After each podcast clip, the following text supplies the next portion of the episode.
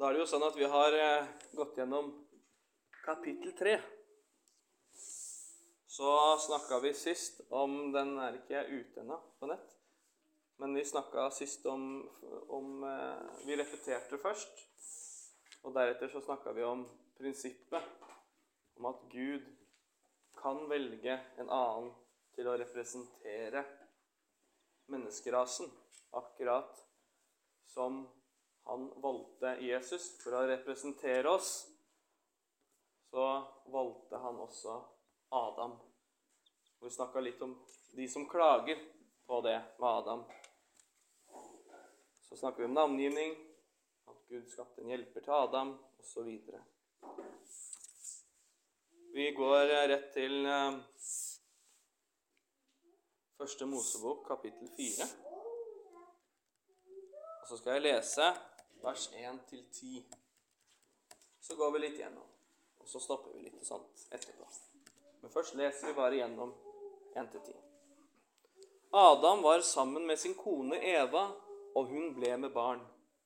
Og fødte Kain og sa, 'Jeg har fått en mann fra Herren.' Så fødte hun igjen og fikk hans bror Abel. Abel ble sauegjeter, men Kain ble jordbruker. Etter en tid skjedde det at Kain brakte Herren et offer av markens grøde. Abel brakte også et offer av det førstefødte småfeet sitt og av fettet på dem. Herren så med velbehag på Abel og hans offer. Men på Kain og hans offer så han ikke med velbehag. Da ble Kain rasende og slo blikket ned. Så sa Herren til Kain, 'Hvorfor er du så sint?' 'Og hvorfor slår du blikket ned?' 'Har du gått i sinne, kan du ikke da se frimodig opp?' 'Men hvis du ikke har gått i sinne, ligger synden på lur ved døren.' 'Dens onde lyst vil fange deg, men du skal herske over den.' Kain snakket med sin bror Abel. Så skjedde det. Mens de var ute på marken, gikk Kain til angrep på sin bror Abel og slo ham i hjel. Da sa Herren til Kain, 'Hvor er din bror Abel?' Han svarte, 'Jeg vet ikke. Er jeg min brors vokter?' Men han sa, 'Hva har du gjort?' Røsten av din brors blod roper til meg fra jorden. Så her ser vi det første mordet. Faktisk så ser vi det første av ganske mange ting. Vi ser den første unnfangelsen, altså graviditeten. Altså akkurat når det skjer. Vi ser den første fødselen. Og vi ser kanskje den første ordentlige åndelige kampen. Vi ser det som vi ble fortalt om på forhånd i Første Mos kapittel 3, vers 15. Det som var 'Jeg setter fiendskap mellom deg og kvinnen', mellom din ett og hennes ett. Han skal knuse ditt hode, og du skal knuse hans hæl. Vi snakka en del om det sist. Eller gangen for deg. Husker ikke. Vi snakka om det er verre å knuse huet enn å knuse hælen. Dette her det fortalte og viste oss at det kom til å bli en åndelig kamp som var i vente, som var, i, som var foran. Alle åndelige kamper har et offer. Jeg satt og funderte på, på den teksten her, og så kom jeg på en prat som jeg hadde med noen av barna mine hjemme. Og noen av barna mine er ganske forskjellige i, i væremåter. Jeg snakka med dem om åssen barn med samme foreldre samme moral, samme hus, kan få ganske forskjellige barn. Hvordan vi noen ganger Noen ganger så prøver vi å behandle barna litt annerledes, litt sånn tilpassa. Fordi de svaret deres, altså åssen de responderer, er litt annerledes. Noen av barna kan vi være veldig tydelige med, veldig direkte. Fortelle hva som er galt, påpeke det de gjorde, og gi en konsekvens. F.eks. ikke noe skjerm eller godteri. Men noen av barna er det nesten så vi ikke kan gjøre noe annet enn å bare se på dem. Og så ser vi at skyldfølelsen fyller dem opp. Så behøver de ikke alltid å ha en like lang preken til de. For du vet at skyldfølelsen er såpass sterk, så det gir dem tid til å tenke og reflektere. Men det er vondt når vi leser om Kain og Abel. Fordi det det er vondt når søsken står imot hverandre. I historien med, med Kain og Abel så er det ikke to fiender som møtes til kamp. Og det er ikke to erkefiender, sånn som det er i en sport, i fotball. Og det er ikke, det er ikke andre verdenskrig, hvor det onde naziregimet kom og skulle krige mot resten. Situasjoner hvor det er liksom åpenbart hvem du heier på. Men det er en familie. Det er to brødre. Samme hjem, samme foreldre, samme moral. Men to forskjellige veier. Den første kampen som spiller seg ut fra 1. Mos 3.15, slangens ett og kvinnens ett. Djevelens barn og Guds barn. To sønner og menneskehetsens to første fødsler. To første fødslene i hele menneskehistorien. Det er uvisst om Kain og Abel var tvillinger eller ikke. Men Kain kom først, og så kom Abel. Mannen var sammen med Eva, og så ble kjent med Eva. Den type kjent som man blir gravid av. Og denne første graviditeten, hvor hun skulle få en sønn, det skjer da i kjølvannet, altså etter første Mosebok 3.15, der hun vet at forløseren for Adam og Eva, for menneskene, skulle komme. Hun visste ikke når denne forløseren for Adam og Eva skulle komme.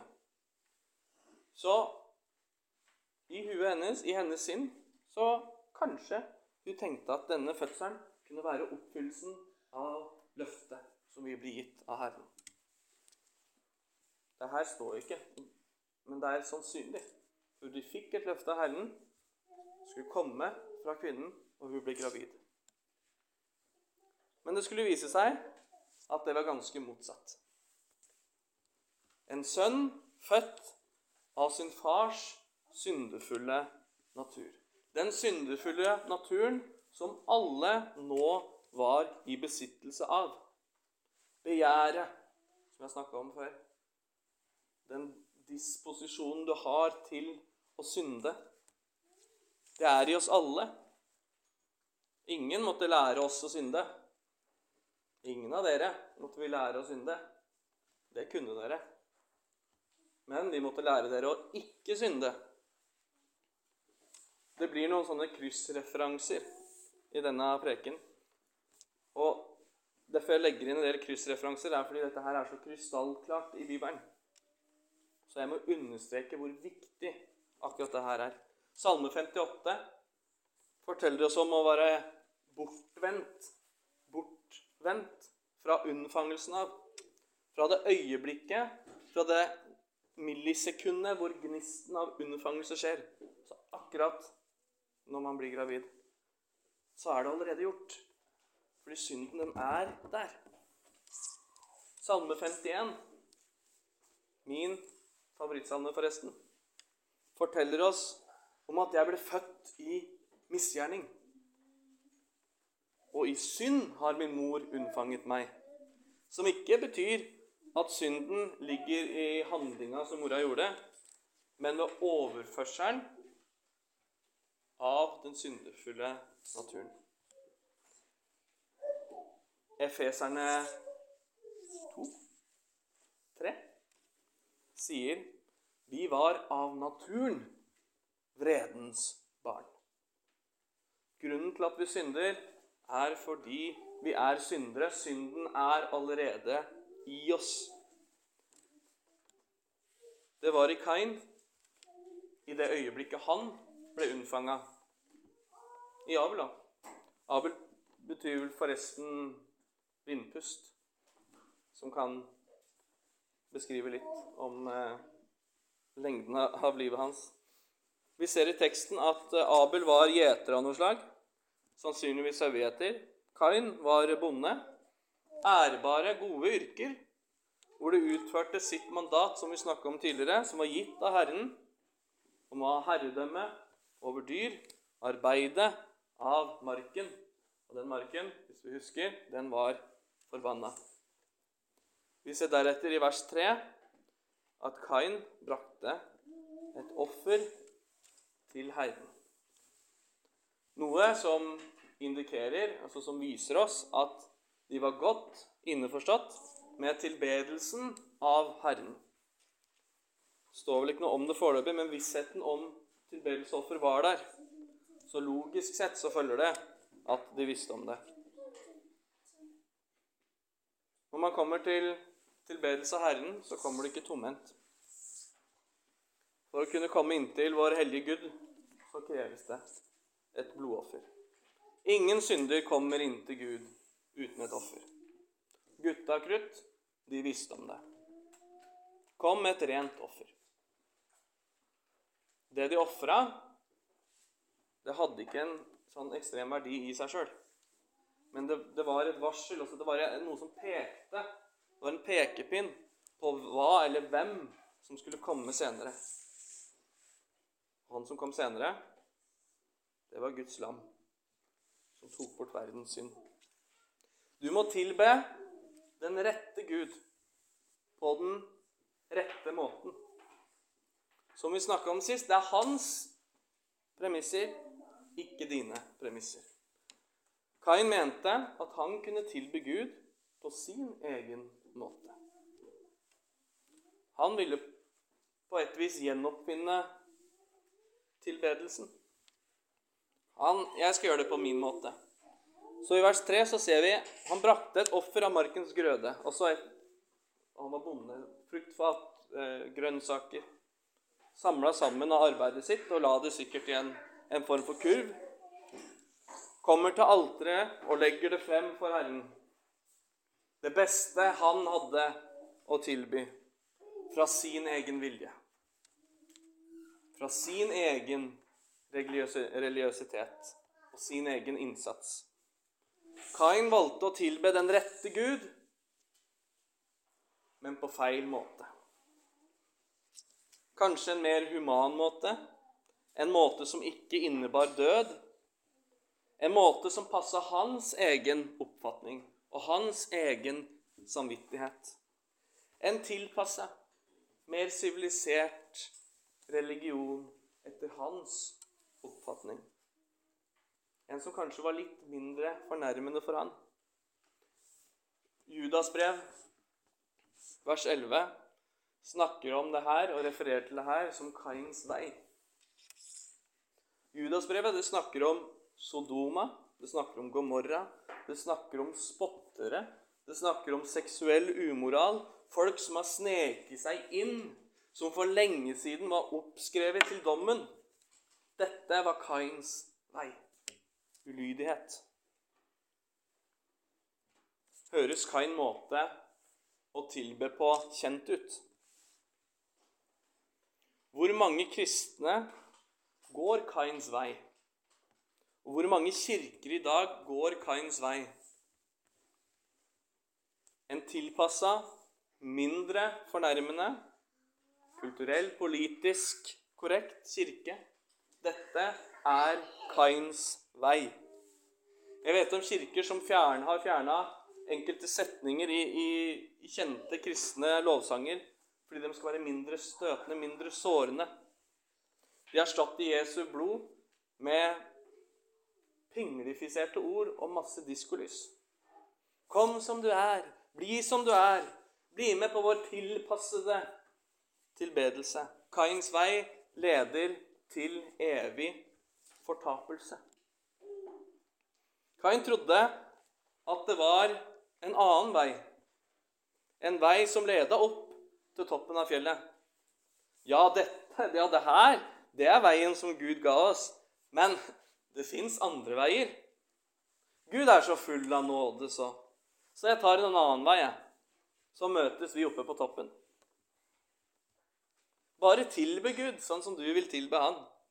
Nei, vi tilber Gud sånn som Han har sagt. Ikke velg Kains vei. Vers 4. Abel kommer med sitt offer, med sau, det førstefødte, med blod. Han er ydmyk, og han underordner seg Guds autoritet. Forstår sin posisjon som synder og vet at blod må ofres for det. Blod, igjen, som peker mot Kristus. Abel tilba den rette Gud på den rette måten. Hør på det her fra Hebreerne 9, 22. Etter loven blir nesten alle ting rensa med blod. Og uten blodsutytelse blir det ingen tilgivelse. Vers 5. Hva er Guds respons på Kains nye tilbedelse? Uten velbehag. Altså ikke tilfredsstillende. Ikke bra. Kains eventuelle seriøsitet, hjertet hans, som er populært å si, var irrelevant. Og dette her er ikke en sånn liten, triviell feil. Husk hva som er menneskets ultimate, også den største hovedmening med at det fins, med at det eksisterer. Soli deo gloria. Ære Gud, Gud alene. All ære til Gud alene. Tilbedelse er faktisk helt på toppen av lista. Hele poenget med at vi er Alt som har skjedd og kommer til å skje, skal ende med, det skal kulminere med å ære Han. Så hva var Kains svar? Vi vet allerede Guds svar. Men hva var Kain sitt svar?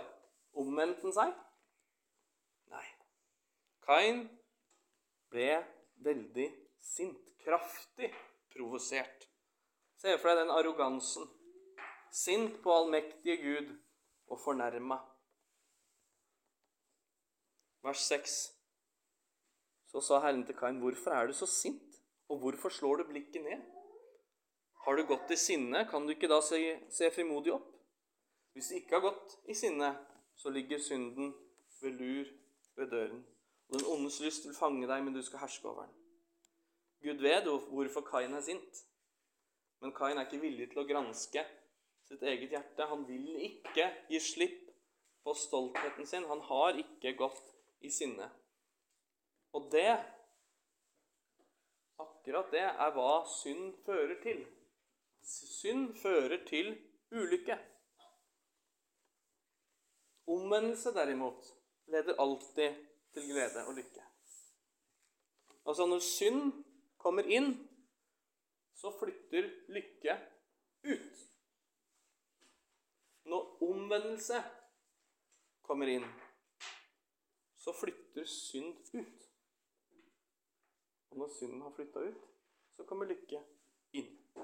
Lykke er ikke destinasjonen eller stedet som vi burde sikte etter og jage etter. Men lykke det er et sånn biprodukt av å følge Gud. Det er noe som skjer av å følge Gud.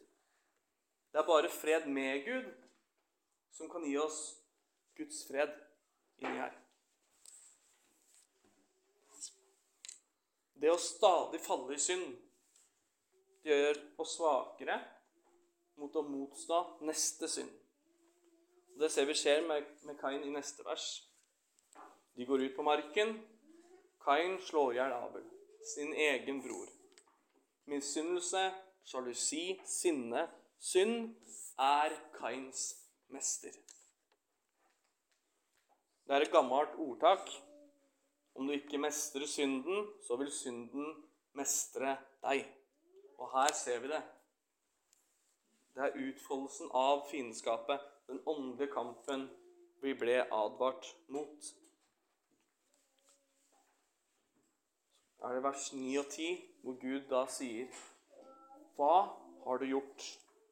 Som han sa til Eva tidligere. Hva har du gjort? Dette er hva som utspiller seg i samfunnet i dag. Det er romerne Det er romerne 1. Hvis du ikke vet helt hva det står, så les det hjemme etterpå. Det er Kain. Det er slangens ett. Hvor vanlig er ikke drap blitt? Tilpassa tilbedelser. Sjalusi, misunnelse, krig, rykter om krig, politikk, kjønn, rase, legning. Gjør som Abel, og ikke gjør som Kain.